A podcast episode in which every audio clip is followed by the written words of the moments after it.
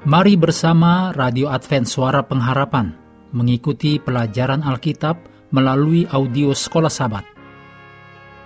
Selanjutnya kita masuk untuk pelajaran Selasa 10 Oktober. Judulnya Injil Kekal, Pekabaran dari Misi.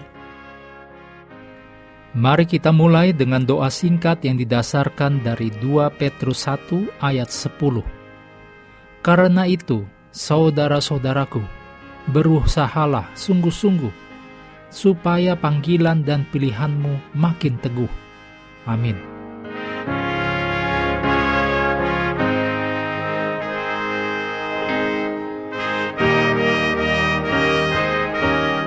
Dalam Wahyu 14 ayat 6 dan 7 terdapat aspek-aspek dari misi Allah dalam Injil yang kekal yang dinyatakan oleh malaikat pertama dari pekabaran tiga malaikat ini. Ini adalah satu-satunya ayat dalam kitab suci di mana kata kekal dan Injil dihubungkan. Injil adalah kabar baik mengenai kasih karunia yang ditawarkan kepada semua orang melalui Yesus Kristus. Yesus datang ke dalam dunia ini untuk menunjukkan kepada kita kasih karunia dan kebenaran. Yohanes 1 ayat 14. Yesus menghidupkan kehidupan yang tidak berdosa dan mati di kayu salib sebagai korban pengganti untuk menanggung hukuman dosa-dosa kita. Yesaya 53 ayat 4 dan 5, 1 Petrus 3 ayat 18. Yesus bangkit dari antara orang mati, terangkat ke surga, ditinggikan oleh Bapa dan saat ini mengantarai untuk kita di bait suci surgawi. Wahyu 1 ayat 18, Kisah 2 ayat 33, Ibrani 7 ayat 25. Yesus akan segera memenuhi janji terbesarnya, kembali dalam keagungan dan kemuliaan, dan puncaknya sesudah masa seribu tahun akan mendirikan kerajaan Allah di bumi. Yohanes 14 ayat 1 sampai 4, Kisah 1 ayat 11, Wahyu 21 ayat 1 sampai 4. Hal-hal inilah yang merupakan kebenaran-kebenaran yang sangat penting dari Injil yang kekal itu. Namun demikian, fakta bahwa pekabaran ini kekal sangatlah jelas. Hanya ada satu Injil yang dapat menyelamatkan kita. Dan itu akan tetap sama sampai misi Allah itu benar-benar diselesaikan tidak akan pernah ada Injil yang lain. Ajaran-ajaran dan doktrin-doktrin yang palsu akan selalu muncul dan berlalu, ditulis dalam Efesus 4 ayat 14. Tetapi pekabaran keselamatan, Injil yang kekal itu tidak akan berubah, dan mereka yang percaya dan menghidupkan Injil itu dalam penurutan akan mendapatkan upahnya. Ulangan 5 ayat 33, Roma 2 ayat 6. Perintah yang diberikan kepada murid-murid yang pertama adalah juga perintah yang sama yang diberikan kepada kita saat ini. Kita harus melanjutkan tugas pemuritan bagi Kristus di mana saja. Tetapi seperti apakah murid-murid tersebut?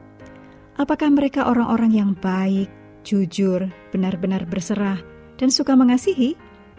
Karakter-karakter ini memang penting, tetapi tidaklah cukup kita harus menjadikan murid yang berfokus pada unsur-unsur kitab suci yang berhubungan dengan pemuritan. Lukas 9 ayat 23, Yohanes 13 ayat 34 dan 35, 2 Korintus 5 ayat 17. Dengan satu tujuan utama, yaitu dipersiapkan dan mempersiapkan orang lain untuk kedatangan Tuhan kita, Yesus Kristus. Berikut ini kutipan dari Ellen G. White, Membina Kehidupan Abadi, halaman 172. Pemberitaan mengenai pehukuman dalam Wahyu 14 ayat 6 dan 7 adalah suatu pemberitahuan tentang kedatangan Kristus yang kedua kali sudah dekat. Dan pekabaran ini disebut Injil yang kekal.